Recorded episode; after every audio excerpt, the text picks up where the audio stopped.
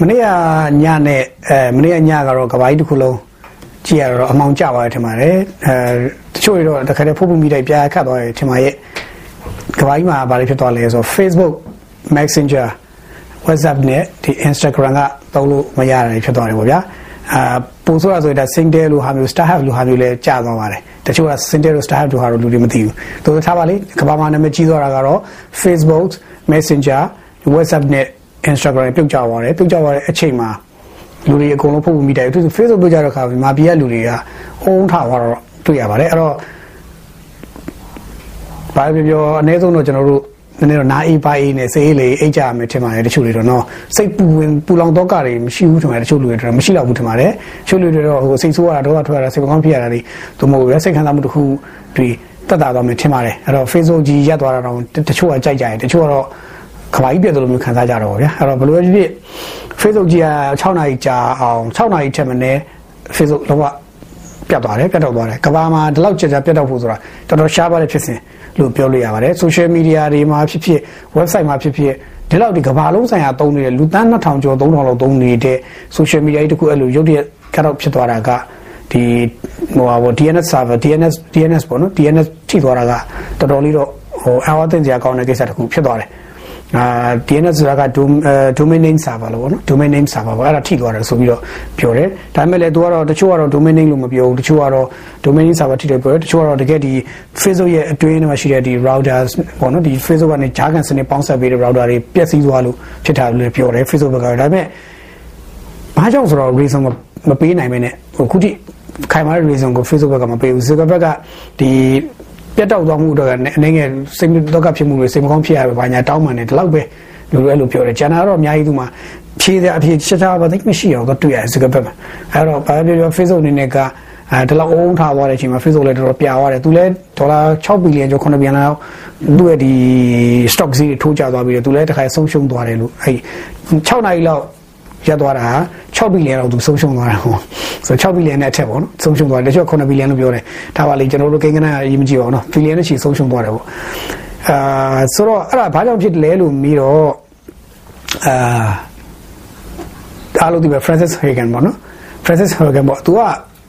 ဒီ whistleblower လုပ်လိုက်တယ်ပေါ့ဗျာ whistleblower က whistleblower ဆိုတာကလေပွင့်လင်းပြောရင်ကျွန်တော် whistleblower ကခန္ဓာတိုင်းမှာတကယ်လိုအပ်တယ်ဗျအဲ့တော့ Facebook ရဲ့ whistleblower လုပ်လိုက်တာတော်တော်တော့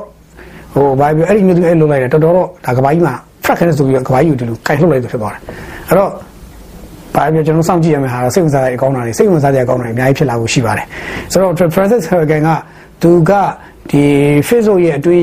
Facebook ရဲ့ဒီမတမာမှုတွေပေါ့ဗျာမတရားမှုမတမာမှုတွေကိုဒါဖွင့်ချလိုက်တဲ့ကိစ္စကတော့ဘာပြောပြောတော်တော်လေးကောင်းတယ်ဒီဒီကျွန်တော်နိုင်ငံမှာလည်းဒါကဘာနဲ့ချီပဲဖြစ်ဖြစ်ညီမနဲ့ချီပဲဖြစ်ဖြစ်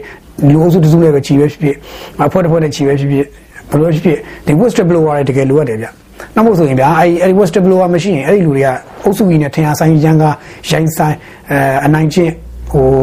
လူရဲ့မျိုးစုံပေါ့ဗျာမကောင်းတဲ့မကောင်းမှုတွေကိုဝိုင်းပြီးအုံပြီးပြုံလုပ်တာလုပ်လို့ရှိပါတယ်အဲ့တော့ whistleblower ကအဲ့လိုပေါ်လာတဲ့ခါကျတော့မှအကုန်လုံးအဲ့ဟိုကြီးတစ်ခုလုံးဒီလိုကိုင်းလို့ဖြစ်သွားတာပေါ့တော်တော်လေ whistleblower ကဒါအချက်လက်အားကောင်းကောင်းမခိုင်မလို့ရှိရင် live whistleblower ဘောကမတွေးဝင်စရာမြန်မာနိုင်ငံမှာဆိုရင်ပေါ့နော်ဟိုဘကဘာမှာတော့ဒီ whistleblower တွေကို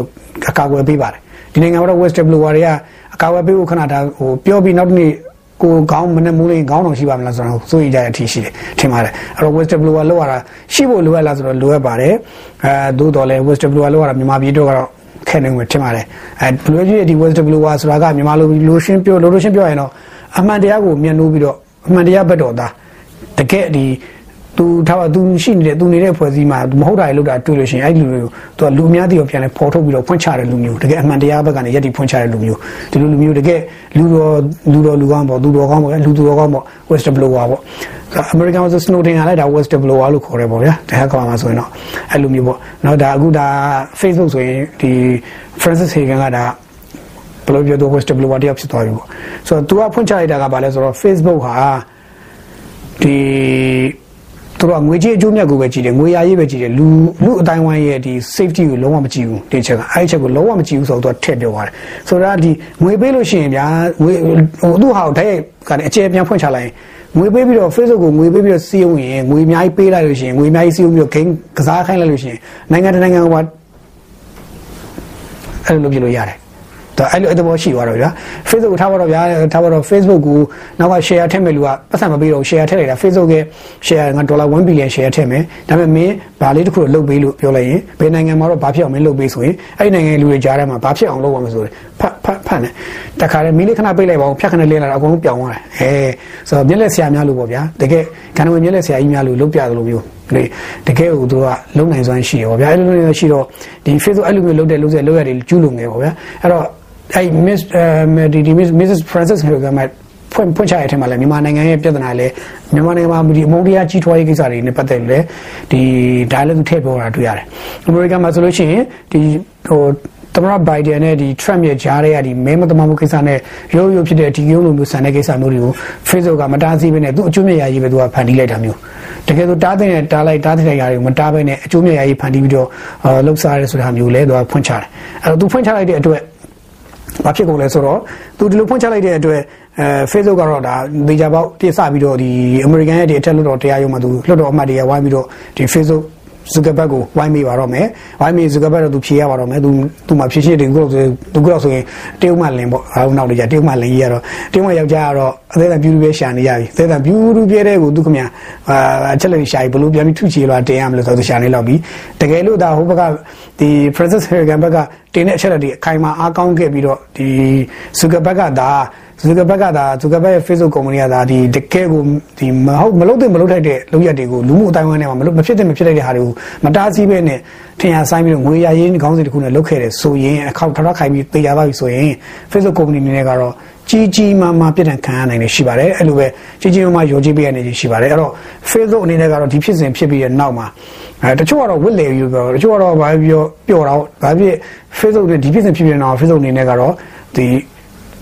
သူ့ရဲ့ platform မှာအသုံးပြုတဲ့သူတွေရဲ့ safety ကိုသူအကာအကွယ်ပေးရတော့မယ်နောက်တစ်ခါဒီ hate speech တွေပေါ့တကက်ကြီးမားတဲ့ဒီ hate speech တွေဗျာ hate speech ဆိုတာဘယ်ဘက်ကပြောပြော hate speech အကုန်လုံးကိုတားနိုင်စီနိုင်မလုပ်ဖ ೇನೆ သူကသူ့ကိုပတ်စံပေးထားတဲ့ထင်တဲ့အုပ်စုဘက်ကတော့ရက်တည်ပြီးတော့သူသူသူသူရင်းနေတဲ့ဘက်ကသူရင်းတာမျိုးပေါ့ဗျာအဲ့လိုလုပ်လိုက်ကုန်ရက်တန်ပြီးတော့တော်တော်လေးနေသွားမယ်လို့ထင်ပါတယ်အဲ့တော့ဘာပြောဒီဒီကဘာမှာအဲ့လိုမျိုးဖြစ်လာတာကျွန်တော်တို့ကတော့ကျွန်တော်တို့ကြိုးဆိုရမှာဖြစ်ပါတယ်ဘလို့ဖြစ် Facebook ရဲ့ထင်အားဆိုင်မင်းမှုကြီးဆိုပြီးတော့ Facebook ရဲ့ဟိုလိုလုံးနေတဲ့ကိစ္စတွေ ဒါတွေကရက်တန်းရက်ဖို့လိုတယ်ဆိုတာလည်းခဏခဏပြောတယ်အခုတော့ဘာပြောသူတို့ဒီလိုကြုံတဲ့အတွက်ဘာပြောကျွန်တော်တို့ကြည့်ပြီးတော့တရားလဲရပါတယ်တရားလဲကြပါတယ်ဘာပြောဒါတော့မှပဲအဲသူတို့အနေနဲ့ကတော့ဒါစင်ပိန်ကျွဲပဲရှိမှာပေါ့ဗျာစင်ပိန်ကျွဲရှိမှာပေါ့ဟိုကျွန်တော်မြန်မာပြည်မှာတော့စင်စင်ပိန်ကျွဲမှုစင်ပိန်ဖြုတ်တော့ဖြစ်သွားတာဗျာတော့သူတို့အနေနဲ့ကတော့စင်ပိန်ကျွဲပေါ့ဗျာအခု Facebook နဲ့ပတ်သက်ရင်လည်းဒီစင်ကာပူရှိတဲ့စင်ကာပူမှာရှိတဲ့ဒီ Facebook မြန်မာ team ကဘယ်လောက်ထိမြင့်လဲဘယ်လောက်ထိရုပ်မာလဲဘယ်လောက်ထိအောက်တန်းကြလဲတော့မသိဘူးပေါ့ဗျာဘယ်လောက်ထိဘာဖြစ်လဲတော့မသိဘူးအဲ သူတို့လုပ်တဲ့အလုပ်ချက်တွေကဟိုကျွန်တော်တို့ page ဆိုရင်ကျွန်တော်တို့ Facebook page ဆိုလို့ရှိရင် unpublish လုပ်ဖို့ခဏခဏ warning ပေးထားတယ်ကျွန်တော်တို့ unpublish လုပ်မယ် unpublish လုပ်မယ်ကြီးတယ်ကျွန်တော်တို့ warning ပေးတာခဏခဏအခုထိပေးထားတယ်ကျွန်တော်တို့ရဲ့ post video ကိုလုံးဝ short ချပစ်တယ်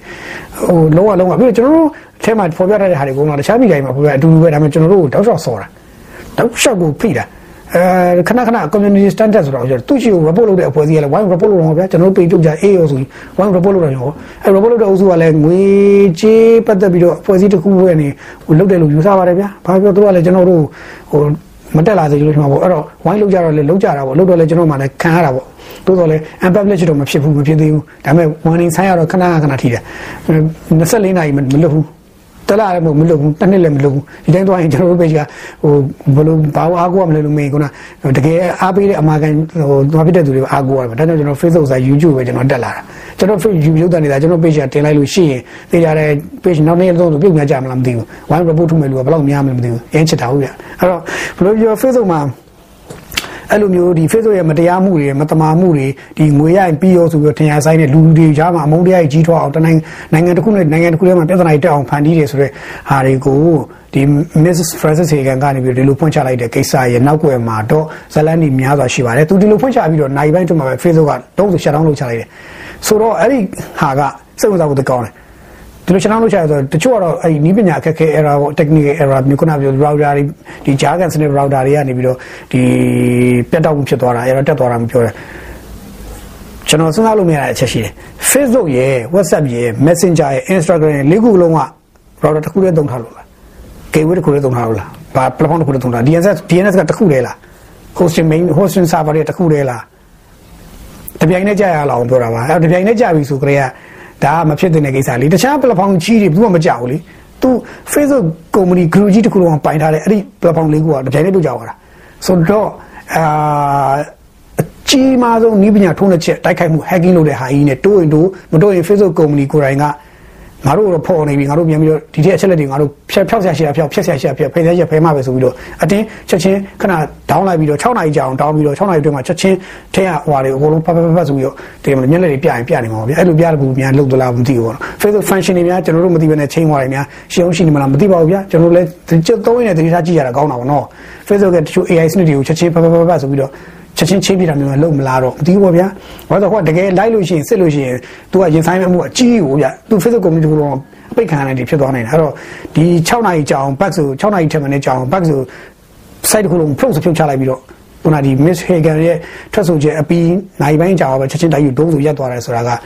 တိုက်ဆိုင်မှုမဟုတ်တာဗျာတမင်တကာတိုက်ဆိုင်ကြမှာမလို့လားအခြားချိန်မှာဖြစ်လဲရတယ်ဒီချိန်မှာတိုက်ဖြစ်ရတယ်ဆိုတော့ဒါက စဉ်းစားစရာပေါ့ဗျာစဉ်းစားစရာဖြစ်နေပြောတာပါမဆွဆွဲရပါဘူးဒီလိုပဲပြောတာစဉ်းစားစရာတော့เนาะနောက်တစ်ခုကတော့ကဘာမှာအခုအာဗါတယ်လေ Pandora Papers Pandora Paper ထွက်လာတာလည်းကဘာကြားမှာကဘာတွေမှာလှုပ်လှုပ်တော့ကမ္ဘာနိုင်ငံခေါင်းဆောင်တွေအားလုံးကြားမှာလှုပ်လှုပ်တော့ဖြစ်သွားကြတာပဲ Pandora Paper ထဲမှာတကောင်းမလို့ဖြစ်နေတယ်ကမ္ဘာခေါင်းဆောင်တွေအကုန်လုံးကမ္ဘာမှာအုပ်ချုပ်တဲ့အုပ်ချုပ်ခဲ့တဲ့နိုင်ငံရေးခေါင်းဆောင်တွေအကုန်လုံးမလွတ်တယ်လို့ဖြစ်နေတယ်သူတို့ Pandora Paper ထဲမှာဟိုဒီသူတို့ရဲ့ငွေကြီးအစည်းအဝေးနာတွေပေါ့ငွေကြီးတွေ ဘယ်လိုသွားတယ်ဘာလုပ်တယ်သူတို့ရဲ့ငွေတွေပုံမှန်ထားတယ်ဘယ်ငွေတွေဘယ်လိုလုပ်ပြီးဘယ်လိုရွှေ့ပြောင်းလုပ်တယ်ဘယ်လိုမျိုးမတမာမှုလုပ်တယ်လဲဆိုတာတွေကစားအဲ့ Pandora Paper ထုတ်လိုက်တဲ့အချိန်မှာကမ္ဘာခေါင်းဆောင်တွေအကုန်လုံးချလိုက်ပဲရမ်းကုန်ပြီအဲဟိုဟိုအနေဆုံးတော့ဗျာကိုယ့်ရဲ့သူသိထားတဲ့ဥထားတဲ့ငွေတွေသူတခုတနည်းနဲ့ယူရတဲ့ငွေတွေကိုတော့ဒီကောင်တွေပေါ်ကမှပေါ်တော့အကုန်ချုပ်ကုန်ပြီဇလန်အဲ့ဒီ Pandora Pandora paper ကိုလည်းသူကဟိုဟာဒရင်တောက်ပေါင်း600ကျော်လောက်ကဝိုင်းပြီးတော့ဒရင်တောက်ပေါင်း600ကျော်လောက်ကဝိုင်းပြီးတော့ဟိုဟိုဒရင်တောက် ဒီဟိုတတိချအချက်လက်တွေလိုက်ပြီးတော့နှစ်ပေါင်းများစွာစူးစီးလိုက်ပြီးမှသူကဒီချက်လက်တွေကိုပတ်ဆိုပြီးတော့အခုဒီမနေ့ရနဲ့တနေ့ရနေ့ထဲမှာပဲစာပြီး pro ဆိုလွှတ်ချရတာဆိုတော့ Pandora paper ကလည်းဒါကဘာမှာတက်ရောက်တဲ့ကြီးမားတဲ့တက်ရောက်ကြီးတစ်ခုဖြစ်နေတယ်အဲ့တော့ကဘာကောင်းဆောင်တွေက Pandora paper တွေကဟို leak ပေါ့နော်ပေါက်ကြားလာတဲ့ဟာကိုပဲဖြည့်ရှင်းရမှာလားကိုယ်နိုင်ငံအရေးပဲဖြည့်ရှင်းရမှာလားအာငါအဲ့ထက်ကပြောတာမဟုတ်ဘူးငါမဲရရင်ပြီးလို့ဆိုမဲအောင်ကြံဖန်ပြီးတော့စီးရုံးရမှာလားအခုလောက်ဆိုတို့လည်းကောင်းတော့စားပြီတချို့နိုင်ငံရေးကောင်းဆောင်တွေကတော့အဲ့ Pandora paper ကိုကြည့်စရာမလိုပါဘူးစိတ်ဝင်စားဘူးတချို့နိုင်ငံ ministry တွေကတော့ထုတ်ပြောတယ်စိတ်ဝင်စားဘူးတို့ကအဲ့ဒါရေးမကြည့်သူတို့နိုင်ငံ covid pandemic နဲ့ဒီစီဝါရေးကိုဗစ်အလွန်စီဝါရေးပြန်ထူထောင်ရေးကိုပဲစိတ်ဝင်စားတယ်မင်းတို့ဒီ Pandora paper ဟာစိတ်ဝင်စားဘူးဆိုပြီးတော့တော့ပယ်ချတာတွေ့ရတယ်ဟုတ်တော့ဟုတ်တာဟုတ်တာပဲဗျဒီလိုကာလာမျိုးမှာကသူကဒီ Pandora paper ကိုအခုချိန်မှာအရေးယူလုံးမလာမင်းအရေးယူဒီချိန်မှာလုံးမဟုတ်ဘာလို့ဆိုတည်ငြိမ်အေးချမ်းနေတဲ့အချိန်တိုင်းပြည်စီးပွားရေးတည်ငြိမ်နေအကောင်းနေတယ်ရောကရောကလည်းမဖြစ်ဘူးဆိုရင်တော့အဲ့ Pandora paper ကဘာမှအကြီးမားဆုံး hot ဖြစ်တဲ့ issue ဖြစ်လိမ့်မယ် ဒါပေမဲ့အခုကျတော့ Pandora paper ကအကြီးမားဆုံး hot ဖြစ်လာဆိုတော့ Facebook shut down နဲ့ရှင်းလိုက်ရင်ဒီလိုဖြစ်သွားတော့နော်အဲ့လိုဖြစ်သွားတယ်မိုးနဲ့မြေလိုဖြစ်သွားတာတော်တော်ကွာသွားတာတကယ်ဆို Pandora paper ကြီးပဲကြောက်စရာကြီးအဲ့ဒါယူဒီ Facebook shut down လောက်တော့နာမည်မကြီးဘူးဒီဘက်က ဟိုဟွာ Pandora paper တည်တည်လေးဖြစ်သွားတာအဲ့တော့ Pandora paper ကလည်းဒါကမ္ဘာခေါင်းဆောင်တွေကိုင်လှုပ်တဲ့အခင်းချင်းတစ်ခုဖြစ်သွားပြီဆိုတော့ပြောတယ်အဲ့တော့ Pandora paper ကကျွန်တော်နိုင်ငံရဲ့ခေါင်းဆောင်တွေရဲ့စီးနေများပါသလားတော့မသိဘူးကျွန်တော်လည်းမဖတ်ဘူးသေးဘူးအရွယ်စာရွက်ထောင်နဲ့ကြီးတယ်ဆိုတော့ကျွန်တော်ဒီစာ data နဲ့ပြန်တော်တော်ရှာယူရမယ်လို့ကျွန်တော်ထင်တယ်အဲ့တော့အဲတကယ်လို့မြန်မာအကြောင်းပါလိုက်လဲဖော်ပြတဲ့သတင်းတွေနိုင်ငံတကာသတင်းတွေတွေ့ရင်လည်းအဲ့ကြရင်လည်းကျွန်တော်တို့လည်းတွေ့ရပါဗျာအခုမဖော်ပြသေးဘူးဆိုရင်တော့ကံကောင်းထောင်းပါတယ်ကိုယ်နိုင်ငံခေါင်းဆောင်မပါဘူးဆိုရင်တော့ဂုံယူစရာပေါ့ဗျာဟုတ်တယ်မလားဂျပန်ဂုံကြတာပေါ့နော်ကိုယ်နိုင်ငံခေါင်းဆောင်တွေကဒီလိုမျိုး လုံးလိမရှိဘူးဆိုတဲ့ဟာလေးနဲ့ဂျပန်ဂုံကြတာပေါ့ဗျာမတတ်နိုင်ဘူးလေနော်ဂုံကြမရှိတဲ့ရှိမရှိရှိရှာကြံဂုံကြကြီးပေါ့ဗျာနော်အဲအကြရကျွန်တော်တို့ဂုံကညှိုးနှမ်းပြီးပြီဟုတ်ဗျာနော်အဲ့တော့ကဲ Pandora Box ဒီကိစ္စကတော့ Pandora Paper ကိစ္စကတော့ပြီးတော့ပါပြီတဲ့ကဲအခုကျွန်တော်ပြောမှာကတကယ်အဲကျွန်တော်ဒီနေ့ရဲ့ဒီလိုအဓိကဇက်လိုက်ကဇက်လိုက်အကြောင်းကဘာလဲဆိုတော့တကယ်ဟိုထွက်ပြီပေါ့ဗျာဒါဇက်လိုက်ထွက်လာပြီဇက်လိုက်ကဘာလဲဆိုတော့အာဆီယံကိုယ်စားလှယ်ကိစ္စအာဆီယံကိုယ်စားလှယ်ကိစ္စကတော့ဗျာ အားလုံးလည်းသိတဲ့အတိုင်းပဲအာဆီယံကိုယ်စားလှယ်ကိစ္စကအာဆီယံအခုမနေ့ကဆိုလို့ရှိရင်အာဆီယံကိုယ်စားလှယ်ကိစ္စမှာမလေးရှားမလေးရှားကဟိုမလေးရှားနိုင်ငံသားဝန်ကြီးကသူကဟိုသူကဒီဘယ်လိုပြောမလဲမီဒီယာမှာပြောတာမဟုတ်ဘူးဗျာထူးဆန်းတယ်သူ Twitter သူ Twitter နဲ့သူတင်လိုက်တယ်အဲဘာလဲဆိုတော့ဒီအာဆီယံအထူးကိုယ်စားလှယ်ကိုဒါတဲ့မြန်မာပြည်ကလက်မခံဘူးဆိုရင်တဲ့တွေ့ဆုံမှုလက်မခံဘူးလာဖို့လက်မခံဘူးဆိုရင်တဲ့ မြန်မာကဒီအာဆီယံညီအာဆီယံညီလာခံလာမယ်ဒီအော်တိုဘာလာမှာကျင်းပမယ်အာဆီယံညီလာခံတက်ခွင့်ရဖို့မမြင်ဘူးတဲ့မမြင်ဘူးမဖြစ်နိုင်တက်ဖို့တက်ဖို့ရခက်ခဲသွားမယ်ပေါ့မဖြစ်နိုင်ဘူးတော့မဟုတ် difficulty လို့ပြောတာဆိုတော့ခက်ခဲသွားမယ်တဲ့ခဲသွားမယ်ပေါ့ဗျာအဲ့လိုမျိုးသူက Twitter ကနေသူရေးလိုက်တယ်ဆိုတော့တဘောတော့အာဆီယံတွေကမြန်မာမြန်မာကိုဒီအာဆီယံနဲ့မြန်မာကိုခဏရပ်ထားမယ်ဆိုတဲ့သဘောမျိုးဖြစ်တယ်ဆိုပြီးမီဒီယာတွေကပုံစံမျိုးစုံနဲ့ပုံဖော်ရေးတယ်သူပြောတာရှင်သူပြောတာတော့ချင်းဟိုစကလုံးတစ်လုံးနဲ့နဲ့သူကဟိုအထိပ္ပယ်များစွာအတွေးများစွာပေးလိုက်တယ် all absurd တွေပေါ့ဗျာ all absurd တွေပေါ့စကလုံးတစ်လုံးနဲ့တွေးစရာများစွာပေးလိုက်တာပေါ့အဲအဲ့တော့သူကဒီအာဆီယံကိုယ်စားလှယ်ကိုသာမြန်မာကသူရေးတဲ့မူရင်းမြန်မာကအဲလာခွင့်မပေးဘူးတွတ်ဆုံလာဖို့မပေးဘူးဆိုလို့ရှိရင်တော့အာဆီယံရဲ့စီဝေးတွေကိုမြန်မာတက်ခွင့်ရဖို့မတိချဘူးဆိုတော့ခက်ခဲသွားလိမ့်မယ်ဆိုတော့ပြောလိုက်တယ်ဆိုအဲ့လိုပြောတော့အဲ့ဒါအဲ့ပြဿနာကူတာအုံးဒါနိုင်ငံတကာထဲမှာတော့နည်းနည်းပွဲစုသွားတာပေါ့ဗျာအဲ့တော့ ဒီရေးကိုကျွန်တော်ကြည့်ရခါကျတော့အာဆီယံကိုယ်စားလှယ်ကမြန်မာပြည်လာဖို့ကိစ္စနဲ့ပတ်သက်ပြီးကျွန်တော်သိတဲ့ information ပေါ့အဲအာဆီယံကိုယ်စားလှယ်မြန်မာပြည်လာဖို့ကိစ္စမှာပြီးခဲ့တဲ့ August လ August လနောက်ကိုမှာလုပ်တဲ့သတင်းစာရှင်းလင်းပွဲမှာဘုသူဆောင်မထုံးကပြောတယ်ဗျာမှတ်မိလားတော့မသိဘူးသူပြောခဲ့တယ်ဗျာသူပြောခဲ့တာပြပြတာနော်သူကဘာပြောလဲဆိုတော့အာဆီယံကိုယ်စားလှယ်ကိုကျွန်တော်တို့ကလာဖို့လက်မခံဘူးမပြောဘူးတဲ့လာခဲ့ဖို့ပြောပြီးသားတဲ့လာတာကိုလက်ခံတယ်လာတာကိုလက်ခံတယ်လာပဲချင်းလာလာလို့ရတယ်ဒါပေမဲ့ လာတယ်ဆိုတဲ့နေရာမှာတော့တတ်မှတ်ချက်လေးရှိသေးတယ်အဲ့ဒါထပ်ပြောတာပေါ့သူကအာဆီယံကိုယ်စားလှယ်လာဖို့ကိစ္စကိုသူတို့ကမကြိုးစိုးရအကြောင်းမရှိဘူးလက်ခံတယ်လာလို့ရတယ်ဒါပေမဲ့အခုဒီနေ့သတင်းစာရှင်းလင်းပွဲကိုတော့အာဆီယံကိုယ်စားလှယ်လာတက်ချင်တက်ပါဆိုပြီးတော့ဖိတ်ခဲ့တယ်တဲ့သူတို့ကဒါပေမဲ့မလာတာတဲ့အာဆီယံကိုယ်စားလှယ်သူမလာတဲ့အဲသူအဲ့လိုမလာတဲ့ကိစ္စကြီးကိုကျွန်တော်ကဘာကိစ္စမလာတာကြီးကိုကျွန်တော်ဘယ်လိုသွားပြီးတော့ပြောလို့ရမလဲဆိုတော့ဦးစောမင်းထုံဘိုးစောမင်းထုံအဲ့လိုပြောလိုက်တယ်အဲ့လိုပြောလိုက်တဲ့အခါကျတော့အဲ့လိုပြောလိုက်တဲ့အခါကျတော့ဘာပဲပြောပြောသူက ဒါစိတ်ဝင်စားဖို့ကောင်းသွားပြီပေါ့ဗျာအဲ့ဒါနဲ့ကဲစောင့်ကြည့်လိုက်ကြတာပေါ့ဗျာစောင့်ကြည့်လိုက်တော့ထူးကြတာအာဆီယံကိုယ်စားလှယ်ကိုဘယ်လိုခန့်လိုက်ရလဲတော့မေးတော့တကဇလန်းပြန်ကြည့်တာပေါ့ကျွန်တော်တခါတည်းရကြရင်တချို့ຢာတွေအစပြန်ပြီးပြန်သွားတာပေါ့နော်အာဆီယံကိုယ်စားလှယ်ခန့်မှုကိစ္စကဧပြီလ24ရက်အဲဟုတ်မယ်နော် date တော့အဲ့လောက်တော့ကျွန်တော်လည်းမမှတ်မိတော့ဧပြီလနောက်ဆုံးပတ်24ရက်လို့ပဲကြမ်းပြီးပြောကြတော့တည်တည်ထားတာပေါ့ဗျာ24မှတော့ဒီဗိုလ်ချုပ်မှုကြီးမင်းအောင်လှိုင်နဲ့တက်တဲ့အာဆီယံခေါင်းဆောင်ထိပ်သီးခေါင်းဆောင်တွေအစည်းအဝေးအာဆီယံညီလာခံပေါ့ဗျာပထမဒီ summit ကမှာအဲ့ဒီမှာ သူကဒီဘုံသဘောတူချက်၅ချက်ချခဲ့တယ်အဲ့၅ချက်ကလည်းအားလုံးချမ်းပြင်းတည်ပြီးသားနော်အချမ်းပြင်းအဲ့တော့အချမ်းပြင်းတည်ပြီးသားအဲ့ဒီမှာကျွန်တော်နားလည်လို့အောင်ပြောရရင်ဘုံသဘောတူချက်၅ချက်ချတဲ့ခါမှာသူကဒီမှာရေးထားတာကဒီ first uh there shall be immediate uh, accusation of violence in Myanmar and all party shall exercise utmost restraints ဒါအချက်အချက်တစ်သူကလိုရင်းပြောရရင်တော့မြန်မာနိုင်ငံမှာလက်ရှိဖြစ်နေတဲ့အကြမ်းဖက်မှုတွေအကုန်လုံးရပ်တန့်ရပ်လိုက်ဖို့အကြမ်းဖက်မှုတွေအကုန်လုံးရပ်ဖို့ အခုဖြစ်နေတာအဲ့ဒီဧပြီလတော့ပြောတာနော်အကြမ်းဖက်မှုတွေမြန်မာနိုင်ငံမှာဖြစ်နေတဲ့အကြမ်းဖက်မှုတွေအကုန်လုံးရပ်လိုက်ဖို့အစရပ်လိုက်ဖို့ပြောတယ်တစ်ချက်ကနောက်ဒုတိယချက်ကတော့ the constructive dialogue among all party concerned share commence to seek a peaceful solution in the interest of the people ဆိုတော့ဗာလဲဆိုတော့သူကဒီပြည်သူတွေရဲ့ဒီအကျိုးစီးပွားအတွက်ပြည်သူတွေအကျိုးစီးပွားအတွက်သက်ဆိုင်ရာသက်ဆိုင်ရာပေါင်းပတ်သက်တဲ့ထိပ်ပိုင်းတာဝန်ရှိသူတွေအားလုံး dialogue လုပ်ဖို့ဒီ constructive constructive dialogue လုပ်ဖို့ ဆိုတော့ခိုင်မာအားကောင်းတဲ့ဒီညှိနှိုင်းဆွေးနွေးမှုလုပ်ဖို့လိုပါတယ်တဲ့အဲ့ဒါကိုထည့်လုပ်လုပ်ရမယ်လို့ပြောတယ်တိုးတော့အဲ့ဒီလိုအချက်သုံးအနေနဲ့ထပ်ထည့်တာပါလဲဆိုတော့အဲ့ဒီလိုလုပ်ဖို့အတွက် that a special envoy of the ASEAN chair shall facilitate medi uh, mediation of the dialogue process with the uh, with the assistance of Secretary General of ASEAN တော့ဘာလဲဆိုအဲ့ဒါပါဆိုအဲ့ဒီလိုမျိုးကဒီ all party ဒီသက်ဆိုင်ရာဒီတာဝန်ရှိသူအကုန်လုံးတွေ့ဆုံဆွေးနွေး dialogue လုပ်ဖို့အတွက်ကို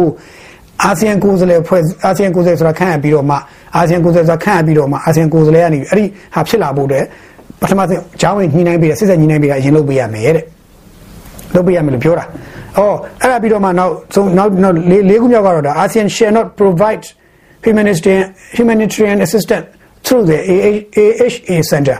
ဒါကဘာလဲဆိုတော့ဒီအာဆီယံနိုင်ငံတွေအနေနဲ့ကတဲ့ ဒီလူသားချင်းဆိုင်ရာစာနာထောက်ထားမှုအကူအညီတွေပေးဖို့အတွက်ကို AHA စတာကနေတဆင့်အကူအညီပေးဖို့အတွက်ကိုစတင်လှုပ်ဆောင်ကြရန်တဲ့ဆိုတော့အဲ့ချိန်ကမြန်မာနိုင်ငံမှာဟိုပြည်ဒီပြည်ပြည်နေတဲ့တေကြီးဒုက္ခရောက်ဘာညာကိုဗစ်ပြဿနာအကုန်လုံးရှုပ်ထွေးနေတာလူသားချင်းစာနာထောက်မှုအကူအညီအများကြီးလိုနေတာပေါ့လားလိုနေတဲ့အတွက်အဲ့ဒီအကူအညီစပေးဖို့ကြိုးစားရန်တဲ့ဆိုတော့နောက်ဆုံးချက်ကတော့ဗာလဲဆိုတော့ the special envoy and delegation share visits Myanmar to meet with all party concerned ဆိုတော့အဲ့ဒါလဲတော့ဒီ အာဆီယံထုကိုယ်စားလှယ်အနေနဲ့မြန်မာနိုင်ငံကိုလာရောက်ပြီးတော့တွေ့ဆုံဆွေးနွေးမှုတွေလုပ်ဖို့လုပ်ဖို့ dialogue တွေ့ဆုံဆွေးနွေးမှုတွေလုပ်ဖို့တွေ့ဆုံဆွေးနွေးမှုတွေလုပ်သွားရန်လို့သူပြောတယ်ဆိုတော့အဲ့မှာထိတ်ဆုံးချက်ကပြန်စားပြောရင် violence in Myanmar the stop violence in Myanmar ဗျာဆိုတော့မြန်မာနိုင်ငံထဲမှာအကြမ်းဖက်မှုတွေရပ်ပေးပါဆိုတဲ့သဘောကျုပ်တို့ရတာဆိုတာတစ်ဖက်တည်းရက်လို့မရဘူးနှစ်ဖက်ရက်ရတာဟုတ်ဗျအကြမ်းဖက်မှုရပ်မယ်ဆိုရင်နှစ်ဖက်သို့မဟုတ်အကြမ်းဖက်မှုဖြစ်စေတဲ့အကြောင်းတရားတွေအကုန်ရပ်ပေးရမှာဟုတ်တယ်မလားတစ်ဖက်တည်းရက်လိုက်လို့နောက်တစ်ဖက်ကသွားပြီးချောချောချောဆိုဆောဆောဆောဆိုရင်ပြဿနာရှိတယ်အဲ့တော့ အကြမ်းဖက်မှုတွေရပ်ပါဆိုတာကအားလုံးရပ်ခိုင်းတာသူကရေးတယ်အကြမ်းဖက်မှုတွေစစ်တပ်ဘက်ကရပ်ပါလို့ရေးတာမဟုတ်ဘူးအကြမ်းဖက်မှုတွေ PDF ဘက်ကရပ်ပါလို့ရေးတာမဟုတ်ဘူးစစ်အကြမ်းဖက်မှုတွေအားလုံးရပ်ပေးပါလို့ပြောတာအဲ့တော့အကြမ်းဖက်မှုတွေကိုရပ်ပေးပါပဲအားလုံးဆိုတော့အခုအကြမ်းဖက်မှုတွေရပ်သလားမေးတော့ဟိုမှာချဒီမှာချချနေတော့ဦးမယ်ဆိုတော့အဲ့ဒါမရက်သေးဘူးဆိုတဲ့အဓိပ္ပာယ်ဖြစ်တော့အဲ့အဲ့အချက်တကအချက်တစ်ကအခုထိမြန်မာနိုင်ငံမှာမဖြစ်သေးဘူး တစ်ချက်ကမဖြစ်သေးဘူးမဖြစ်သေးတဲ့တော့တွေ့ရတယ်ရက်မှမရက်တာဟိုမှာတက်မဲဖျက်မဲချမဲအုံချကြဟိုကဒီဘက်ကလာတက်ဒီဘက်ကပြန်တက်အာဒီဘက်ကချဟိုဘက်ကချချကြရင်ချကြရင်ခုတည်းကျန်းဖက်မှုတွေမပြီးသေးဘူးလူတွေကြောက်နေရတော့ခုဒီအဲ့တော့မပြီးဘူးအပထမချက်ကအဲ့တော့ all party dialogue ကဖြစ်ပါဦးမလားဆိုတော့ချနေမှာတော့ဖြစ်တော့မလားဗျာအဲ့တော့ချနေမှာမဖြစ်တော့မလားဆိုတော့မဖြစ်ဘူးအဲ့ချက်လည်းမဖြစ်ပြန်ဘူးမဖြစ်ဘူးဆိုအဲ့ချက်ဖြစ်ဖို့အတွက်ကအာဆီယံကိုယ်စားလှယ်ခန့်ရမယ်ဆိုတော့အာဆီယံကိုယ်စားလှယ်ခန့်တဲ့ကိစ္စခန့်လိုက်တယ်အဲ့ဒါခန့်ဖို့ဆိုတဲ့ကိစ္စခန့်လိုက်တယ် ဘယ်မှာခန့်ဖို့ကြိုးစားလဲဆိုတော့တခါအာဆီယံကိုယ်စားလှယ်ခန့်ဖို့ကိစ္စကိုတခါစပြီးဆွေးနွေးတဲ့အချိန်မှာဩဂုတ်လကျမှခန့်နိုင်တယ်ဧပြီလဆွေးနွေးတဲ့ဩဂုတ်လကျမှခန့်နိုင်တယ်ဩဂုတ်လ၄ရက်နေ့မှာထင်ပါရဲ့ခန့်လိုက်တယ်အဲ့ဒါကလည်းဩဂုတ်လ၄ရက်မတိုင်ခင်မှာဘယ်သူတွေရွေးလဲဆိုတော့အဲအဲ့အာဆီယံကိုအဲ့အဲ့ဒီဗိုလ်ချုပ်မှုကြီးမြောက်တဲ့အစည်းအဝေးဧပြီလအစည်းအဝေးမှာတည်းကသူကကိုယ်စားလှယ်၃ယောက်စီစဉ်ခဲ့တယ်အဲမလေးရှားကတစ်ယောက်အင်ဒိုနီးရှားကတစ်ယောက်ထိုင်းကတစ်ယောက်ဒီတော့တည်းကတစ်ယောက်ကိုရွေးပေးဖို့ရွေးပေးဖို့ဆိုတာမှာမြန်မာကခေါင်းဆောင်ကရွေးပေးပါလို့ပြောတာအဲ့တော့ တည်င်းတွေပြန်ရှာဖတ်ခြင်းတွေ့လိမ့်မယ်ဗျကျွန်တော်ကဟိုတည်င်းတွေပဲပြန်ပြီးချိန်ခံပြီးအဲ့အချက်လက်တွေကိုပြန်ရှာဖတ်ပြီးပြောနေတာဆိုတော့မြန်မာလူကရွေးပေးပါတဲ့ဆိုတော့မြန်မာလူကအာဆီယံထုကိုယ်စားလှယ်ဖြစ်နေတော့မြန်မာကတော့ပွင့်လင်းပြောရင်သူကလည်းဒါကတော့ကိုကိုသားကိုကြီးတော့ဟုတ်ဗျအဲ့တော့ထိုင်းကိုယ်စားလှယ်ကိုရွေးတာပေါ့ဗျာထိုင်းကိုယ်စားလှယ်ရွေးမှာဟုတ်ဗျာထိုင်းကိုယ်စားလှယ်ကမြန်မာနဲ့ကထိုင်းနဲ့ကတည်တယ်မလားတော်တော်လေး ရင်းနှီးချစ်ချစ်ခင်ရှိနေတာဟုတ်ဗျဟုတ်မဟုတ်မြန်မာကောင်းဆောင်နဲ့ထိုင်းကောင်းဆောင်တွေလည်းတော်တော်အဆင်ပြေတယ်ထိုင်းရဲ့နိုင်ငံခြားရေးဝန်ကြီးဟောင်းကလည်းမြန်မာနိုင်ငံကြောင်းကောင်းကောင်းသိတယ်အဲ့တော့သူလည်းမြန်မာလည်းရွေးရောနော်မြန်မာလည်းထိုင်းကိုရွေးတာပေါ့အဲ့မှာမလေးရှားနဲ့စင်ကာပူနဲ့အင်ဒိုနီးရှားတို့ကတော့အာအဲ့ဒါတော့မကြိုက်ဘူးဆိုတော့မြန်မာအဲ့လိုရွေးတာတော့မကြိုက်ဘူးဆိုတော့မျိုးကန့်ကွက်ကောကန့်ကွက်ကြတာပေါ့ဗျာကန့်ကွက်ရင်းနဲ့နောက်ဆုံးမှာဘာတွေဆက်ဖြစ်ကုန်လဲဆိုတော့ဘသူရွေးမှမသိဖြစ်သွားရော အဲ့တော့အောင်လို့ဘယ်သူမှမရွေးပဲတန်လိုင်းသေးဖြစ်သွားပြီးတော့နောက်ဆုံးမှာဘလို့တွေလောမှမသိဖြစ်နေ April May June July အထိရောက်သွားပြီးတော့မရွေးနိုင်ဘူး April လောက်ကောင်မှလည်းမရွေးနိုင်ဘူး May June July လည်းမရွေးနိုင်ဘူးဩဂုတ်လည်းကြာအောင်မရတော့ဘူးမဖြစ်မနေရွေးရတော့ဖြစ်လာပြီဩဂုတ်โอเคဩဂုတ်မှာစရွေးမယ်ဆိုတော့မဖြစ်မနေရွေးတဲ့အချိန်ကျတော့ဘယ်ဟာတော့ရွေးလိုက်လဲဆိုတော့အဲ့ဒီမှာဘသူ့တော့တည်းဆိုတော့ Iron Yusof ဆိုတဲ့ Brunei ရဲ့ ဘရူနိုင်းဘရင်ကနေဝင်လာပြီးရွေးဘရူနိုင်းဘရင်ကနေအာဆီယံဥက္ကဋ္ဌဘရူနိုင်းဘရင်ကနေပြီးတော့ကဲမင်းတို့တွေဒီလောက်ရွေးရခက်နေမှာတော့ကွာကျွန်တော်အရာစကားပြောတော့ပါနော်ရွေးရခက်နေမှာတော့ကွာမထူပါဘူးဟဲ့အောင်ရော့အီဝင်ယူဆော့ငါတို့နိုင်ငံသားဒုဝန်ကြီးသူ့ကိုပဲရွေးလိုက်တော့ဆိုပြီးချပေးလိုက်တော့လက်ခံလားဆိုတော့အာဆီယံဆယ်နိုင်ငံလုံး yes အဲအဲ့လို yes ဆိုတော့အဲ့မှာ yes yes yes ပေါ့ဗျာ yes ဆယ်ကားပေါ့အဲ့မှာလည်း ဒုံဆိုပြီးအာဆီယံနိုင်ငံသားရေးအဲအာဆီယံအထူးကိုယ်စားလှယ်ကတော့အီရိုအီရိုယူဆော့ဘရူနိုင်းနိုင်ငံသားရေးဒုဝန်ကြီးရဲ့အီရိုယူဆော့ကအာဆီယံအထူးကိုယ်စားလှယ်ဖြစ်သွားရောအဲ့တော့မြန်မာကလည်းအဲ့ဒီကိုယ်စားလှယ်အရွေးမဲ့နေ့မှာမြန်မာကတခါအဲ့ဒီအစည်းအဝေးမှာဥဝနမောင်လွင်ကတောင်းဆိုချက်သုံးချက်လုပ်ခဲ့တယ်တဲ့အဲ့ဒါကိုဗျာဘယ်မီဒီယာမှဖော်ပြဘူးထူးကြတာအဲ့ဒါအာဆီယံရဲ့ဟော်တွေမှာရှိတယ်ဗျသူ့ရဲ့ဟော်တွေမှာတော့ပြန်ရှာချင်းကြည့်တယ်ကျွန်တော်တို့တချို့တွေကကိုလိုချင်တဲ့ပိုင်းဖော်ပြနေတာဖြတ်ပြီးတော့ ပြဿနာတကယ်ရင်းမြစ်ကိုတကယ်ပြဿနာသာပြည်လေစေခြင်းဆန္ဒရှိရင်အာဆီယံ website မှာတိကျသွားရှာပြီးတစ်ချက်ချင်းဖိုင်တွေ့တယ်ဗျသူကဦးနာမောင်လင်းကဘာပြောခဲ့လဲဆိုတော့အချက်၃ချက်ရှိတယ်သူကဘာပြောထားလဲဆိုတော့အာဆီယံထူးကိုယ်စားလှယ်အနေနဲ့ခိုင်းတဲ့အာဆီယံထူးကိုယ်စားလှယ်အနေနဲ့ဧပြီလမှာသဘောတူထားတဲ့အာဆီယံဘုံသဘောတူချက်၅ချက်အတိုင်းပဲဆောင်ရွက်သွားရန်တစ်ချက်ကအာဆီယံထူးကိုယ်စားလှယ်အနေနဲ့အဲ့ဒီသဘောတူချက်ချက်၅ချက်ထက်ပို၍ပို၍ ပါလာတော့အချက်အဆိုပြုမှုတင်ပြချက်တောင်းဆိုချက်မိသည့်တောင်းဆိုချက်မှာတောင်းဆိုခွင့်မရှိတောင်းဆိုခြင်းကိုလည်းမြန်မာဘက်ကလက်ခံမှာမဟုတ်ဒုတိယချက်ကနောက်တတိယတစ်ချက်ကဘာလဲဆိုတော့နောက်တတိယတစ်ချက်ကဘာလဲဆိုတော့အာဆီယံထူးကိုယ်စားလှယ်အနေနဲ့ကတဲ့ကျွန်တော်တို့ဒီအာဆီယံဗြိဉ္ဉ်အာဆီယံနိုင်ငံတွေရဲ့ဗြိဉ္ဉ်ဆိုတာရှိတယ်နိုင်ငံတနိုင်ငံရဲ့ပြည်တွင်းရေးကိုဝင်ရောက်ဆွတ်ဖက်တာမျိုးဆွတ်ဖက်တာမျိုးပြီးတော့ဝင်ရောက်နိုင်ငံပြည်တွင်းရေးဝင်ရောက်ရှုပ်ထွေးအောင်ပို့လုပ်တာမျိုး အဲအဲ့အဲ့ဒီဟာမျိုးကိုရှောင်ရှားဖို့နိုင်ငံတနိုင်ငံချင်းစီရဲ့ဒီလူအတိုင်းဝိုင်းရဲ့ယဉ်ကျေးမှုလူအတိုင်းဝိုင်းရဲ့ဒလိစရိုက်ဗီဇတွေကိုကြော်လွန်ပြီးတော့လှုပ်ဆောင်တာမျိုးမလုပ်ရဘူးမလုပ်ရပါဆိုတဲ့အချက်သုံးချက်အဲ့ဒီသုံးချက်ကိုသဘောတူမှခုနအဲ Iron Resource ကိုသဘောတူပေးပါဆိုတာကိုလက်ခံမယ်ဆိုတာမျိုးဦးနာမောင်လည်းကတင်ပြလိုက်တယ်ပြန်ပြောအာဆီယံခေါင်းဆောင်တွေကဲရပါတယ်အဲ့ဒါပြဿနာမရှိပါဘူးဆိုတဲ့သဘောမျိုးနဲ့သူကလက်ခံလိုက်တယ်တဲ့လက်ခံလိုက်ပြီးတဲ့နောက်ကြမှာ အာအီရန်ယူဆော့ဆိုတာပေါ်လာပြီးတဲ့စိန်ချင်းကြမှာဘာစပြောလဲဆိုတော့နောက်တစ်ပတ်လောက်ကြာမှာဘာစပြောလဲဆိုတော့ဒုံဆန်းစုကြည်နဲ့တွေ့ခွင့်ရခြင်းတယ်အဲ့မှာပြဿနာစတက်ကောအဲ့မှာစတက်ကောပဲအဲ့မှာစတက်ကောပဲဘာဘာတက်လဲဆိုဒီဘက်ကပြောရတာအဲ့ဒီဒီတီစဲဒီအုပ်ချုပ်သူတွေရဲ့ပေါင်ကြော်သွားတာမျိုးတော့မရဘူးလက်မခံဘူးဆိုတဲ့ဘောဒီအုပ်ချုပ်သူတွေကဘာဆိုတော့အကြမ်းဖက်လို့ကြီးညာထားတယ်ပဲသူတို့ဘက်ကအကြမ်းဖက်လို့ကြီးညာထားတယ်ဒီစဲအုပ်ချုပ်သူတွေဘက်ကအကြမ်းဖက်လို့ကြီးညာထားတဲ့သူတွေနဲ့သို့မဟုတ်တရားရင်ဆိုင်နေရတဲ့သူတွေနဲ့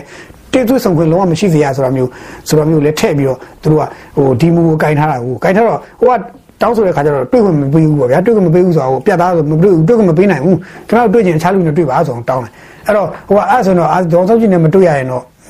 ကျွန်တော်တို့ဒါမတရားဘူးပေါ့ဗျာမတရားဘူးလို့လျှောက်လို့ပြောအဲ့တော့မီဒီယာနေပြီးတော့မီဒီယာနေထွက်တာပေါ့သတင်းထုတ်ကုန်တော့ဗျာထုတ်ပြီးတော့မကျေနပ်တဲ့ချက်ကလေးညီးလိုက်တွားလိုက်ပြောလိုက်ဆိုလိုက်အဲ့တော့မီဒီယာဝမ်းရေးလိုက်အဲ့အဲ့ခြာလဘက်လဲနေအဲ့နောက်ခြာလဘက်လဲနေတာအဲ့ဒါနဲ့ပဲနောက်ဆုံးမှာဘာတွေဖြစ်ကုန်လဲဆိုတော့ဒီဒီနေ့နောက်ဆုံးစက်တင်ဘာ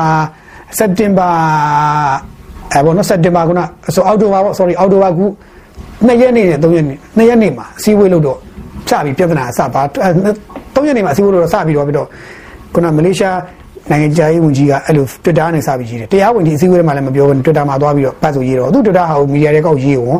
ရေးကုန်တော့ဖြုတ်ကုန်ဇလန်းဖြုတ်ကုန်တော့အဲမြန်မာဘက်ကအနေနဲ့ဘာဖြစ်ကုန်လဲမြန်မာဒေါ်စန်းသူယူလက်မခံတွေ့ဖို့လက်မခံတဲ့အတွက်အာဆီယံနိုင်ငံရေးဝန်ကြီးက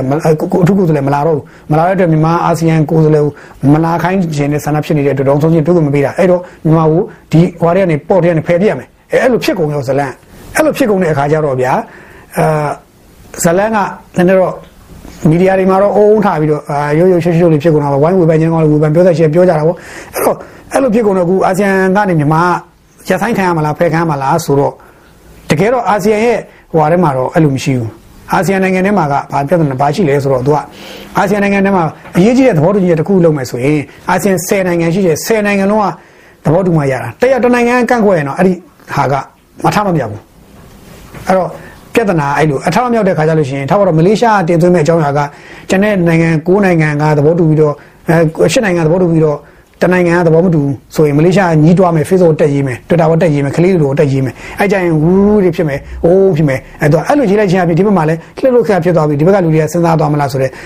social media နဲ့နိုင်ငံတကာ media ဩဇာအကူအညီယူတာသဘောအဲအဲ့ဒီသဘောလောက်ကြရအဲ့တော့ဘလို့ဖြစ်သွားတော့ဒါကလောက်ရမယ်လုံရိုးလုံထင်ဟိုကဒါကဘယ်သူဖြစ်လုံတဲ့အကွက်လေဒီအကွက်ကဒီတိုင်းလုံတဲ့အကွက်လေ တာမန်တွေကျွန်တော်တကယ်ကြီးကျွန်တော်ရသားမှလုပ်တာပဲနော်ဟုတ်လားအော်ဒါရှိတာဘလို့အထင်းမှာပြောလို့မရအပြင်ထွက်ပြီးတော့ဘုန်းဆိုပြီးလူကြကောင်ရှောက်អော်ပြစ်တာអော်လိုက်တော့ဟိုမို့လိုက်လို့အာမဖြစ်ငါတို့ပြောနေပြီလို့မဖြစ်ဘူးစဉ်းစားမှပဲပြောင်းသွားရောအဲ့မှာအဲ့ဒါဆိုတော့အဲ့လိုဖြစ်နေတော့အာဆီယံထူးကိုယ်စားလှယ်ကမြန်မာပြည်ကိုလာချင်းတာလားလာချင်းလျက်နဲ့မြန်မာမလာခိုင်းတာလားအာဒေါ်သောစုကြီးနဲ့တူကမပေးလို့မလာတာလားဘာဖြစ်တာလဲဆိုတဲ့ဇာတ်လမ်းတွေကနည်းနည်းတော့ အထက်မှာတပုတ်လိုဖြစ်နေတယ်ချင်းချင်းကြားထဲမှာသူတို့ကသူဖြစ်နေတယ်ဒါပေမဲ့ထူးခြားတာကမလေးရှားရဲ့အင်ဒိုနီးရှားရဲ့စင်ကာပူသုံးနိုင်ငံဒီမြန်မာမီဒီယာမှာထုတ်ထုတ်ပြောနေတယ်ဗီယက်နမ်လာအိုကမ္ဘောဒီးယားထိုင်းဘရူနိုင်းနော်အဲ့ဒီငါးနိုင်ငံဘာမှမပြောဘူးအဲ့ဒီငါးနိုင်ငံရဲ့ကိုယ်စားလှယ်နိုင်ငံသားရေးဝန်ကြီးနိုင်ငံရဲ့ပြောရေးဆိုပြီးဘူးကဘာမှမပြောသူတို့ကဒါပေမဲ့အဲ့ဒီဟိုသုံးနိုင်ငံကတော့ပြောတယ်အဲ့တော့ပြန်တွေးကြည့်ရင်ဒီဘက်ကငါးနိုင်ငံပြောဒီဘက်သုံးနိုင်ငံပြောတယ် နော်အဲ့တော့ထူးဆန်းထူးဆန်းနေတာပေါ့ဗျာထူးခြားနေပေါ့ဆိုတော့ဟိုဒါကနည်းနည်းတော့စိတ်ဝင်စားဖို့ကောင်းတယ်အဲ့တော့ကျွန်တော်အဲ့မှာတခါထပ်ပြီးတော့ကျွန်တော်လည်းအဲ့ဒီဖြစ်စဉ်ကဘာတွေဖြစ်ကုန်တာလဲဆိုစဉ်းစားအဲကျွန်တော်ဒီမှာကြုံလို့တခုသတင်းတခုထည့်ပေးသွားအောင်မယ်အဲမီဒီယာတွေကျွန်တော်လည်းသတင်းရေးမလို့ရေးမလို့ဟိုဒီနေ့ရပြီသတင်းရပြီတော့ကျွန်တော်ရေးမလို့လုပ်နေတာဒါပေမဲ့မရေးရသေးလို့ခုဒီထက်မှထည့်ပြောလိုက်တော့ဗျာပြီးမှသတင်း website မှာတက်ကြည့်တာပေါ့နော်ဘာလဲဆိုတော့ဦးနာကြီးဦးနာကြီးဦးနာကြီးကဦးနာကြီးက တရက်နေ့ရတဲ့တရက်နေ့ကအောက်တိုဘာတရက်နေ့ကသီးသန့်လေရင်နဲ့ MBI လေရင်နဲ့ဘရူနိုင်းကိုဒူးသွားတယ်တဲ့အဲကျွန်တော်သတင်းရထားတယ်ဘယ်ရရလဲလို့မမေးနဲ့လေဗျာမေးရင်တော့ကျွန်တော်ဘယ်ဖြေမလဲခင်ဗျာကျွန်တော် source တွေကြာနေတိုင်းထောင်းပါပေါ့ဒါလျှို့ဝက်ခီးစဉ်လာဝါကြီးနော်ထောင်းနေမှာကျွန်တော်အဲ့တော့ကျွန်တော်ဘယ်ရရမပြောဘူး source ကဒါပေမဲ့ဘယ်ရရရလေစိတ်ကနေဒီလေစိတ်ကိုပဲတုံးပြီးတော့လေနဲ့ private လေကြီးနဲ့ထွက်သွားတာကြီးရတော့ဗျာခင်ဗျာတီးတန် special VIP ကနေတီးတန်ထွက်သွားတာကြီးရတဲ့တင်ရတော့ခင်ဗျာလေအဲ့ဒီထဲမှာ ရှိတာပဲလေစိတ်အာ sorry ထားပါတော့ဘယ်လိုဖြစ်ပေါ့ဗျာအဲ့တော့ဘရူနိုင်းထွက်သွားတယ်ဆိုတော့ဘရူနိုင်းအာဆီယံဥက္ကဋ္ဌဗျာနိုင်ငံရေးဝန်ကြီးကဘရူနိုင်းကိုသွားတယ်ဆိုတာကြီးကစဉ်းစားလို့ဆရာတွေဖြစ်ကုန်တာပေါ့စဉ်းစားပေါ့အဲအဲ့တော့ဘာဖြစ်မလဲလို့မေးရင်တော့နည်းနည်းတော့ဒါအာဆီယံရဲ့ဒီလကုံစည်းဝေးကလှလှပပတော့ထွက်လာမှထင်တယ်ဒါပေမဲ့အာဆီယံဒီလကုံစည်းဝေးကလည်းအားလုံးသိတဲ့အတိုင်းပဲအားလုံးသိတဲ့အတိုင်းပဲဟိုဟို online meeting ပဲဖြစ်မှာပါပဲဘာလို့တော့တွေ့လို့မရဘူးကိုဗစ်စီကန်းရနိုင်ငံတစ်ခုခုကနေထားလို့ဆိုတာလေကိုဗစ်စီကန်းတွေဘာညာရင်းနဲ့တတ်မှတ်ချက်တွေကိုအဲ့ဒါတွေကြီးနေကြတော့မကိုက်တဲ့ခါကျတော့ online ကပဲသူတို့ meeting လုပ်မဲ့သဘောရှိတယ်ဆိုတော့မျိုးလေကျွန်တော်တို့ဒါအချက်ချင်းကြိုတင်ခံမှန်းကြည့်တာအောင်အဲ့လိုဖြစ်နိုင်ရရှိတယ်ဘာလို့ online ပဲဖြစ်ဖို့များတယ်เนาะအဲ့တော့ meeting ကအဲ့မှာသွားမယ်နောက်တော့ ဒီတော့မြန်မာတက်ခွင့်ရမရတော့ဟိုဥနာကြီးအဲဘင်္ဂလားအဲဘရူနိုင်းကိုသွားတဲ့ကိစ္စထူးခြားတယ်အဲ့ကိစ္စကအဖြေထွက်လိမ့်မယ်အဲ့ကိစ္စကထူးခြားတဲ့အဖြေတစ်ခုဖြစ်လာမယ်အဲအဲ့တော့ဥနာကြီးအဲ့ကိုသွားခြင်းအပြင် ဥနာကြီးအာဆီယံထူးကိုယ်စားလှယ်နဲ့တွေ့မယ်ဘရူနိုင်းဘယင်းနဲ့တော့ဘရူနိုင်းခေါင်းဆောင်နဲ့တွေ့မယ်ပဲတွေ့ပြီးတော့ तू ဘာတွေပြောမလဲဒါကျွန်တော်ခံမှန်းကြည့်တာ तू အဲ့လိုသွားပြီဆိုရင်တော့ဟိုသွားမှာတော့ဗျာ तू အဲ့လိုမတော့မသွားပဲ तू ကဘာဘာအလှသွားလို့မလား shopping ထွက်ပြီးဈေးဝယ်มาတယ်လားမဖြစ်နိုင်တာရှောက်သွားမှာပေါ့နော် shopping ထွက်တော့မဖြစ်နိုင်ဘူးလေဘူးနိုင်ဘူးနိုင် shopping ထွက်မှာမဟုတ်ထွက်ရင်စင်ကူတော့ shopping ကအဲ့တော့ तू အဲ့လိုသွားပြီးတခုလုပ်ပြီးတော့ဒါပြန်လာမယ်ပြန်လာရင်တော့သူတို့တခုတည်လာမှာပေါ့ဗျာသတင်းကောင်းတခုတည်လာမယ်ထင်ပါတယ်အဲ့တော့အာဆီယံ environment အထူးကိုယ်စားလှယ်ကမြန်မာပြည်လာမလားလို့မင်း ဒီအော်တိုဘာထဲမှာမဖြစ်မနေသူကလာလိမ့်မယ်လာလိမ့်မယ်ဘယ်လိုလာလိမ့်မယ်ဆိုတော့အော်တိုဘာဒီညီလာခံရှိတယ်ဗျာဒီညီလာခံမှာ तू ကမြန်မာပြည်ရဲ့ပြဿနာတွေအကုန်လုံး report တင်ရမှာ report တင်မဲ့ညီလာခံမတိုင်ခင် तू လာကိုလာမှာလာမှာအော်တိုဘာညီလာခံကလာကုန်မှဖြစ်မယ်ဒီလာလေထဲမှာပဲဒီအင်ရီဆိုကလာကိုလာလိမ့်မယ်မလာလို့မရဘူး तू तू မလာဘဲနဲ့မြန်မာပြည်နဲ့ပတ်သက်တဲ့အချက်လို့ तू ဘယ်ရယူမှာလဲဘယ်ရယူမှာယူလို့မရအဲ့တော့ तू လာကိုလာမှာသိကြသွားပြီကျွန်တော်ကဒါခံမှန်းလို့ရပါပြီတက်လို့ရပါတယ်ဘာလို့ နီလာကန်နောက်ဆုံးမှကျေပါပဲနီလာကန်မှာ report တင်ရမယ်အာဆီယံရဲ့ဒီ framework ရှိပြီလားဒီ framework မှာဒီ report မတင်နိုင်ခဲ့ရင်သူ့ရဲ့ frame တွေကပြတ်သွားပြီပြတ်သွားလို့မရဘူးတော့မြန်မာပြည်ရုပ်တော့ဖြည့်ရှင်းမယ်လို့ဆုံးဖြတ်ပြီးသွားရင် framework ရလာကိုလာပေးရမယ်အဲ့တော့တဘောအဲ့တော့လာကိုလာမယ်ဒီလာလည်းမရောက်မယ်ဒါကျွန်တော်ကအဲဘေးရင်ဟောသလိုခံမှန်းကြည့်တာပါဗျာကျွန်တော်သတင်းသမားဆိုတာခံမှန်းနဲ့တုံးတက်တယ်ဆွေးနွေးတယ်တင်ပြတယ်တိုက်တွန်းတယ်တောင်းဆိုတယ်ပြစ်တင်တယ်ရှုတ်ချတယ်ဝေဖန်တယ်ရေးသားတယ်ဖော်ထုတ်တယ် မျိုးစုံပါဗျာအဲအဲ့တော့အဲ့ဒီတခုအနေနဲ့ကျွန်တော်ပြောတာပါခံမှန်းကြည့်တာပေါ့အဲ့တော့အဲ့ဒါတစ်ပိုင်းပေါ့ဗျာအဲ့တော့အာဆီယံ invite ကမြန်မာပြည်ကိုဒီလားလေသို့မဟုတ်လာကုန်ကနီးကပ်ပြီးလာရင်လာအဲ့လာတဲ့ခါကြလို့ရှိရင်အာဆီယံအစည်းအဝေးမတိုင်ခင်လာရင်သူဘယ်သူနဲ့တွေ့ခွင့်ရမလဲဆိုတော့မိကုန်းအဆရှိတယ်အဲ့တော့ကျွန်တော်ကအဲ့ဒါနဲ့ပတ်သက်ပြီးတော့ကျွန်တော်လည်းသိချင်လို့စုံစမ်းနေတယ်ဒါပေမဲ့ကျွန်တော်ကြားနေတဲ့သတင်းကဘာလဲဆိုတော့ထပ်ကြားတဲ့သတင်းဘာလဲဆိုတော့ဟိုဒူ သမရအကြီးဦးဟင်နရီဘန်တီယူနဲ့တွေ့ချင်တွေ့ခွင့်ပေးမယ်သူ NLD ဘက်ကလေ NLD ဘက်ကတင်ထားတဲ့သမရသမရဒူသမရဖြစ်တဲ့အတွက်သူနဲ့တွေ့ခွင့်ပြရင်တွေ့ခွင့်ပေးမယ်ဒါပေမဲ့ဒေါ်ဆန်းစုကြည်တို့ဒီတရားရင်ဆိုင်တဲ့ဒေါ်ဆန်းစုကြည်တို့ဒီအကြမ်းဖက်လို့ဟိုစစ်တပ်ကကြီးညာထားတဲ့သူတွေနဲ့ကတော့တွေ့ခွင့်ပေးမှာမဟုတ်ဘူးတော့ဒီဘက်က NLD ဘက်မှာဆိုရင်တော့အဲ ဦးဟင်နရီဘန်တီယူဒါအကြီးဆုံးပေါ့ဗျာယာရုယာကြီးဆုံးလူဖြစ်တဲ့လွတ်လပ်လွတ်တယ်လွတ်လပ်လွတ်နေတယ်ဆိုတာဟိုသူကဒီအမှုတွေမှာမှုတွေနဲ့တရားစွဲမခံထားသေးတဲ့သူရှိနေတဲ့လူရှိနေအဲ့တော့သူနဲ့တွေ့ခွင့်ပေးမယ်ဆိုတာမျိုးကြားနေရပါတယ်တစ်ချိန်တည်းမှာပဲဥတီခွန်မြတ်ဥတီခွန်မြတ်ကလွတ်တော်ဥက္ကဋ္ဌဖြစ်နေပြည်သူ့လွတ်တော်ဥက္ကဋ္ဌဖြစ်ရှိနေသေးတယ် အဲကျွန်တော်ကြားတဲ့သတင်းပေါ့နော်လွတ်တော်တဲကနေကြားတဲ့သတင်းကဘာလဲဆိုတော့လွတ်တော်တွေကဒီဂျိုးပို့လုံနေတဲ့ဖွဲ့ရှိတာဗျာဝင်မော်နေတာကားသမားတွေရှိတာပဲသိနေတာသတင်းကဥတီခွန်မြတ်ကြီးကလွတ်တော်ပုံမှန်ရုံးတက်တယ်တဲ့ပုံမှန်ရုံးတက်တယ်လို့ပဲတက်နေပါတယ်တဲ့ရှိနေပါတယ်တဲ့ဥတီခွန်မြတ်ကြီးလွတ်တော်ထဲမှာရှိနေဆိုတော့ဥတီခွန်မြတ်နဲ့လည်းတွေ့ကြပေမဲ့သဘောမျိုးပြောတယ်ဥတီခွန်မြတ်ကလည်း NLD ဘက်ကိုသူကခြေလက်လန်းထားပြီးသားလို့ဖြစ်သွားတယ်ဆိုတော့ NLD ဘက်ကလူတွေကိုတွေ့ချင်တယ်ဆိုရင်တော့သူကအဲ့ဒီဦးဟန်နရီဘန်တီယူရဲ့ ဦးတီခွန်မြတ်ရဲ့သူတို့နဲ့တွေ့ခွင့်ပေးမယ်ဆိုတဲ့သဘောမျိုးအတန်ကြီးကြားနေရတယ်ဒါနေပြီးတော့အတိုင်းမှာဖြစ်ပေါ်နေတဲ့သတင်းတွေကြားနေရတယ်အဲ့တော့ဘယ်လိုပဲဖြစ်ဖြစ်အာဆီယံကိုယ်စားလှယ်တွေနဲ့ကတော့လာကိုလာရမယ်သူတွေးစရာရှိလူတွေးသွားရမယ်ပေါ့ဗျာတစ်ဖက်ဆက်ချင်မဲ့ဖွဲ့စည်းမှာဆိုရင်တော့သူအမြင်ဆုံးတွေ့လို့ရတာကဦးဟင်ရီဘန်တီဦးတီခွန်မြတ်ဒီလူတွေတွေ့ရမယ်နောက်တစ်ခါလက်မှတ်ထိုးပြီးတော့ဒိုင်ရှိုလေးငုံနေတဲ့ LD ထိပ်ပိုင်းကောင်းဆောင်တွေတချို့ရှိတယ်အဲ့လူတွေနဲ့လည်းတွေ့ခွင့်ဒိုင်ရှိုလေးသူတို့တိတ်တွေ့ရင်တွေ့သွားလိမ့်မယ်လို့ကျွန်တော်ကတော့ခံမှန်းချင်တယ်အဲ့တော့အာဆီယံကိုယ်စားလှယ်တွေနဲ့အမြင်ဆုံးလုပ်နေတာအဲ့ဒါပဲလုပ်လို့ရမယ်အဲ့တော့ ဒီဟာကြီးတစ်ခုလုံးခြုံပြီးပြောမယ်ဆိုရင်ပြန်ခြုံပြီးပြောလိုက်မယ်ဆိုရင်အာဆီယံထုကိုယ်စားလှယ်အနေနဲ့ကမြန်မာပြည်ကိုအောက်တိုဘာလလေနဲ့လာဒီအောက်တိုဘာနောက်ဆုံးပတ်အာဆီယံ summit မတိုင်ခင်ရပိုင်းလေးတို့မှာမဖြစ်မနေလာကိုလာလိမ့်မယ်မဖြစ်မနေလာကိုလာမဖြစ်မနေရောက်ကိုရောက်လာမယ်ရောက်လာပြီးတာနဲ့သူကတွေ့ရမှာအမြင်ဆုံးတွေ့ခွင့်ရမှာကဦးဟင်နရီဘန်တီယူသို့မဟုတ်အာဦးတီခွန်မြတ်သို့မဟုတ် NLD ထိပ်ပိုင်းကောင်းဆောင်တွေကလက်မှတ်ထိုးပြီးဒိုင်ရှိုလေးဥနေတဲ့ထိပ်ပိုင်းကောင်းဆောင်တွေကလူတွေနဲ့လှုပ်ဝက်အဲတိတ်တယ်ပေါ့ဗျာ တရင်မထုတ်ပြန်မဲ့တွေ့ခွင့်ရတဲ့ဟာမျိုးတွေ့သွားနိုင်ခြင်းရှိတယ်ဒါကျွန်တော်ရဲ့ခံမှန်းချက်ပါအဲ့တော့အဲ့လိုရှိသွားနိုင်ပါတယ်အဲ့တော့အာဆီယံကနေမြန်မာကအဲထိုင်ကုန်ဘောကနေမြန်မာကိုကန်ချမှာလားမင်းတော့အဲ့ဒါကတော့ခုနကျွန်တော်ပြောတဲ့အာဆီယံ10နိုင်ငံတခုခုလုံးမဲ့ဆိုရင်တော့တနိုင်ငံသဘောမတူရင်တော့မရပါဘူးဆိုတော့ခုနမြန်မာကိုကန်ထုတ်ဖို့ပြောနေတဲ့နိုင်ငံတွေမှာရှင်းပြောရင်တော့ထိုင်းဗီယက်နမ်ကမ်ဘောဒီးယားလာအိုဘရူနိုင်းဖိလစ်ပိုင်အဲ့ဒီ6နိုင်ငံကဘာမှမပြောဘူးစင်ကာပူရဲ့မလေးရှားရဲ့အင်ဒိုနီးရှားရဲ့3နိုင်ငံအတန်နဲ့ထွက်တယ်ဆိုတော့ မဲရ63 693ကိုဖြစ်သွားပြီဗျာအဲ့တော့တည်ကြတဲ့အကြောင်းမှမရှိတာဗျာရှုံးစရာလည်းအကြောင်းမရှိဘူးပုံမှန်ဖြစ်သွားတယ်အဲ့တော့မြေဝင်ကဒီအာဆီယံမှာတော့ဟိုစစ်ကောင်စီစီနေနေကတော့ပန်းပန်သေးပါပဲအဲ့တိုင်းမဖြစ်လိမ့်မယ်လို့လည်းကျွန်တော်တော့ခံမှန်းချင်ပါတယ်အဲ့တော့ကျွန်တော်ရဲ့ဒီနေ့သုံးသက်ချက်ကလည်းအရင်များသွားပြီလို့ထင်ပါတယ်ဘယ်လိုပဲဖြစ်ဖြစ်အဲ တညတာလောက်တော့ခင်ဗျားတို့စေးလေးနေကြလဲရတယ်မလားအနည်းဆုံးတော့ဘာမှမကြဘူးဘာမှဒီဘလူချက်ဖရုတာဝါစာတွေမကြဘဲနဲ့အေးချင်းအေးရတဲ့ညသိကောင်းတယ်မလားကျွန်တော်တို့ညအဲ့လိုကောင်းနေတာဗျာနော်အဲ့တော့ဘာပြောစောင့်ကြည့်ကြတာပေါ့ခဘာကြီးကဘာလေးဆက်ဖြစ်မလဲဆိုတော့